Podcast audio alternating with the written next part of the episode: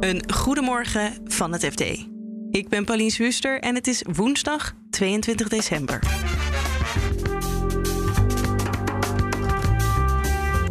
Er is een verhitte jacht losgebarsten in fintechland.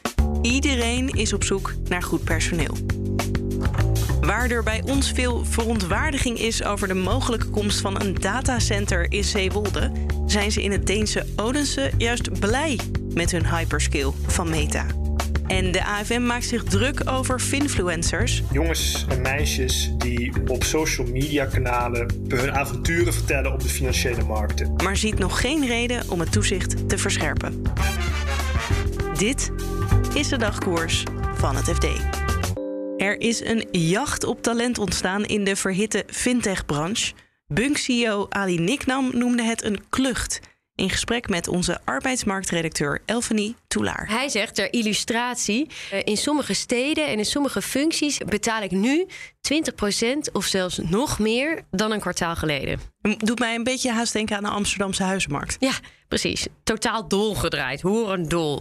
En dat is dus voor werkgevers heel erg lastig. Kijk, hele grote techbedrijven, eh, ja, die kunnen dit misschien nog wel leiden. Maar uh, kleine fintechjes, start-ups, die moeten zich dus in andere bochten wringen om dat uh, talent te vinden en vast te houden. Waarom is het nu de laatste maanden zo verhit? Omdat uh, de fintech-sector is heel erg in trek bij durfinvesteerders. En om aan te geven, in 2018 uit mijn hoofd uh, werd er nog 5,3 miljard euro geïnvesteerd in de, in de sector. 2019 was dat al bijna een verdubbeling. 2020 weer een klein ietsje minder. En in 2021 is dat alleen al in de eerste jaarhelft 10,4 miljard euro. En die investeerders willen nu hun geld terug. Dus heeft iedereen meer personeel nodig. Precies. Zij zeggen wij investeren miljarden in uh, jullie bedrijfjes, maar in ruil daarvoor willen wij groei. Soms gaat het erom of die investering doorgaat of niet aan de vervulling van één enkele post van een heel specialistische functie. En die bedrijven willen die investering natuurlijk binnenhalen. Dus die gaan dan heel hard op zoek naar dat ene gewenste talentje. Met alle gevolgen voor de salarissen en de andere arbeidsvoorwaarden van dien. Ja, want is het inderdaad op geld dat ze die mensen naar binnen kunnen halen? Of... Nou ja, ja, dat is dus inderdaad wat ik al zei. Die grote die kunnen heel veel geld inpompen. Maar allemaal, alle bedrijven die ik heb gesproken, die zeggen allemaal ook dat ze echt heel erg zitten op cultuur. Ja, bij ons is het heel fijn om te werken. De work-life balance is bij ons heel goed. Bij ons krijg je heel veel verantwoordelijkheden. Dus je hebt heel leuk werk. Of uh, je hebt heel veel flexibiliteit om je werk in te delen. Ja, het klinkt als een droom om bij die bedrijven te werken. Plus de salarissen zijn al goed natuurlijk. Ja, en dan ondanks al uh, nou, die geweldige voorwaarden... lukt het toch niet om genoeg mensen te vinden? Het is gewoon heel krap. En zoveel mensen zijn het ook er niet.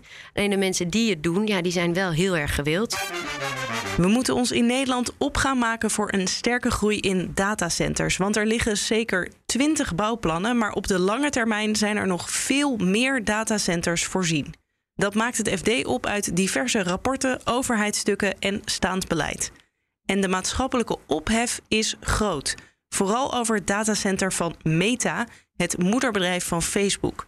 FD-correspondent Koen Verhelst ging langs in het Deense Odense, waar al zo'n hyperskill staat. Als je een ene uiteinde staat, dan verdwijnt het echt de horizon bijna, zeg maar, in de, in de verte. Dus uh, het is een enorm, enorme complex sowieso. Maar het is wel zo dat het, staat tussen een hele hoop andere dozen in.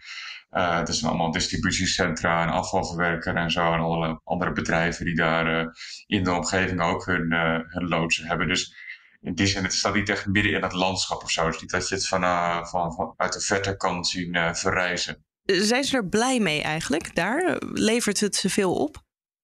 Ja, dat was eigenlijk voor mij uh, mijn grootste eh, verrassing toen ik daar was. Want ik ging daar natuurlijk heen met het idee van, oh, in, in Zeewolde zijn we, hebben we zoveel vragen hierbij, uh, kritieke punten ook en zo. En, en ja, ik, de eerste uh, mensen die ik sprak, die vroeg van, ja, hoe zit het nou met de weerstand en zo? Zijn er mensen tegen? En iedereen had zoiets van, ja, nee, eigenlijk niet. We, zijn eigenlijk wel tevreden. Er zijn een aantal ja, gemeenteraadsleden die wel wat kritischer waren. Bijvoorbeeld, waar komt die groene stroom nou vandaan bijvoorbeeld? Uh, die komt bijvoorbeeld niet uit de omgeving, maar uit Noorwegen. Dus nou ja, dan kun je afvragen van, uh, is dat wel, uh, wel logisch dat je die helemaal vanuit Noorwegen moet laten komen? maar over het algemeen zijn mensen eigenlijk heel erg tevreden. Is dit vergelijkbaar, denk je, deze situatie in Odense en in Zeewolde? En dat vind ik lastig te zeggen. Ik ken, ik zelf uh, eigenlijk helemaal niet. Ehm, maar het is natuurlijk wel zo dat uh, tien keer zo groot is als uh, qua inwonertal. het heeft een, een, een, grote universitaire campus. het is ook de derde stad van het land. Dus dat zou, ja, in Nederland zou dat Den Haag zijn in verhouding. Je hebt al enorme bedrijvigheid. Je hebt al enorme formaat, zeg maar, om, om zo'n om zo'n centrum uh, neer te zetten en dan ook te, met een slecht woord, te embedden in de, in de samenleving. Want wat Facebook doet in, in Odense is dat ze dus ook uh, financiering geven aan educatieve projecten rondom de robotica. Maar ze zorgen ook bijvoorbeeld dat uh, de, de, de restwarmte van het centrum, van het datacentrum, dat die naar het, stadsverwarmingssysteem loopt. En dat is natuurlijk, ja, in Denemarken is dat veel meer wijdverbreid dan het in Nederland is. Ik heb begrepen dat er in Zeewolde één wijk is uh, die uh, klaar is voor, uh, die draait op stadsverwarming. Maar ja, dan, is de vraag, kun je er dan voldoende potentie uithalen uit zo'n centrum? En dat is eigenlijk voor mij, als ik, het, als ik puur op basis van wat ik in Oordense gezien heb en wat ik uit, uit onze eigen stukken over Zeewolde heb gelezen, dan is mijn vraag van, ja, hoe, hoe vergelijkbaar is dit? Voor, voor zover ik kan zeggen, alleen het formaat van het datacentrum zelf. En niet zozeer de omstandigheden, die toch echt behoorlijk anders zijn. En om, om het echt tot een succes te maken in Odense hebben ze erin, zijn ze erin geslaagd om een soort van uh, gemeente, universiteit, bedrijven en Facebook samen om daar echt, uh, ja, zoals dat in Scandinavië vaker gaat, een soort van publiek-private samenwerking van te maken. Ja, en daar moet je als gemeente groot genoeg voor zijn, initiatief voor tonen en de, ja, de ingrediënten in huis hebben om dat te kunnen aanbieden. En, dan maar hopen dat Facebook daar ook in, mee wil gaan. Want ja, die, die, die gaan natuurlijk uh, die, die zetten natuurlijk gewoon hun eigen uh, wensen voorop. Dus dat, dat is het, spanningsveld waar, waar zich in begeeft, denk ik. De autoriteit Financiële Markten heeft onderzoek gedaan naar 150 Nederlandse financial influencers. Die gezamenlijk meer dan 1,1 miljoen mensen bereiken met hun posts op social media. Sonny Motke is FD-redacteur Financiële Markten en inmiddels expert op het gebied van deze finfluencers. Dus ze zeggen: Ik heb aandeel X gezien, dat is interessant. Of ik heb de uh, cryptomarkt ontdekt. En ze proberen die kennis te delen. Daarbij geven ze vaak bedoeld of onbedoeld ook advies. En daar zit de spanning. Het zijn zelfbenoemde experts op het gebied van beleggen. Doen ze het op eigen titel of worden ze ook zoals influencers die bijvoorbeeld reclame maken voor uh, shampoo of wat dan ook, worden ze ook ingehuurd? Het begint in de basis op eigen titel. Maar, en dat is natuurlijk altijd als er iets nieuws ontstaat, daar is een markt voor. Genoeg financiële instellingen die proberen met name een nieuwe, jongere doelgroep te bereiken. Die net begonnen is met beleggen bijvoorbeeld. En die kunnen tegen een vergoeding uh, vragen of ze op een bepaalde manier reclame willen maken. Willen ze een product bijvoorbeeld van een broker een review geven?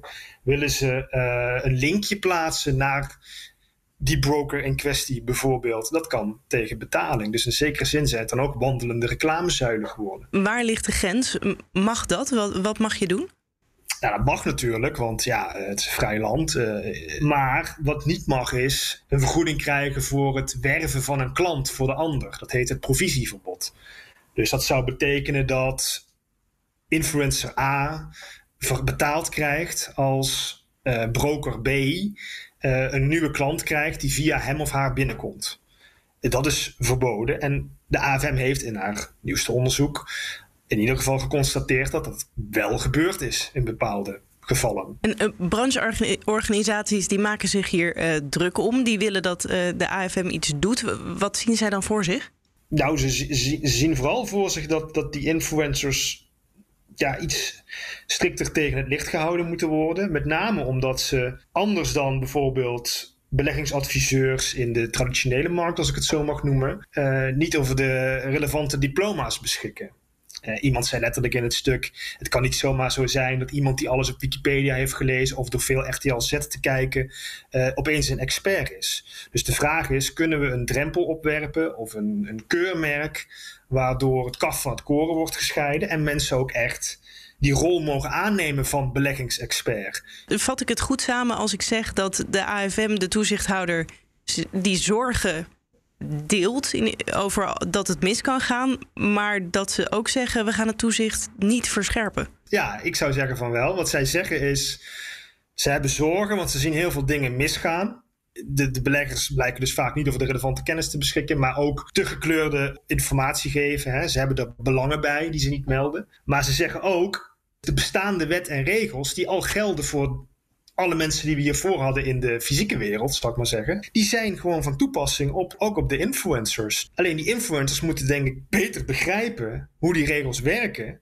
En de AFM meent door dat ja, te benadrukken, met gesprekken die ze nog gaan voeren ook met influencers, zoals ik heb begrepen, dat dat voldoende moet zijn om ze uh, ja, te handhaven. Dus waarom meteen alle regels herschrijven? Maar ja, er zijn dus ook geluiden in de branche, en dat is waar het schuurt. Van nou, er mag best wel een en ander aangepast worden.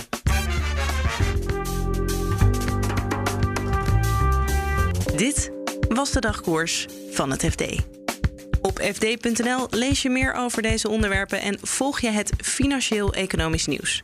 Morgenochtend is dagkoers weer te vinden in je favoriete podcast-app. Een hele fijne dag en tot morgen.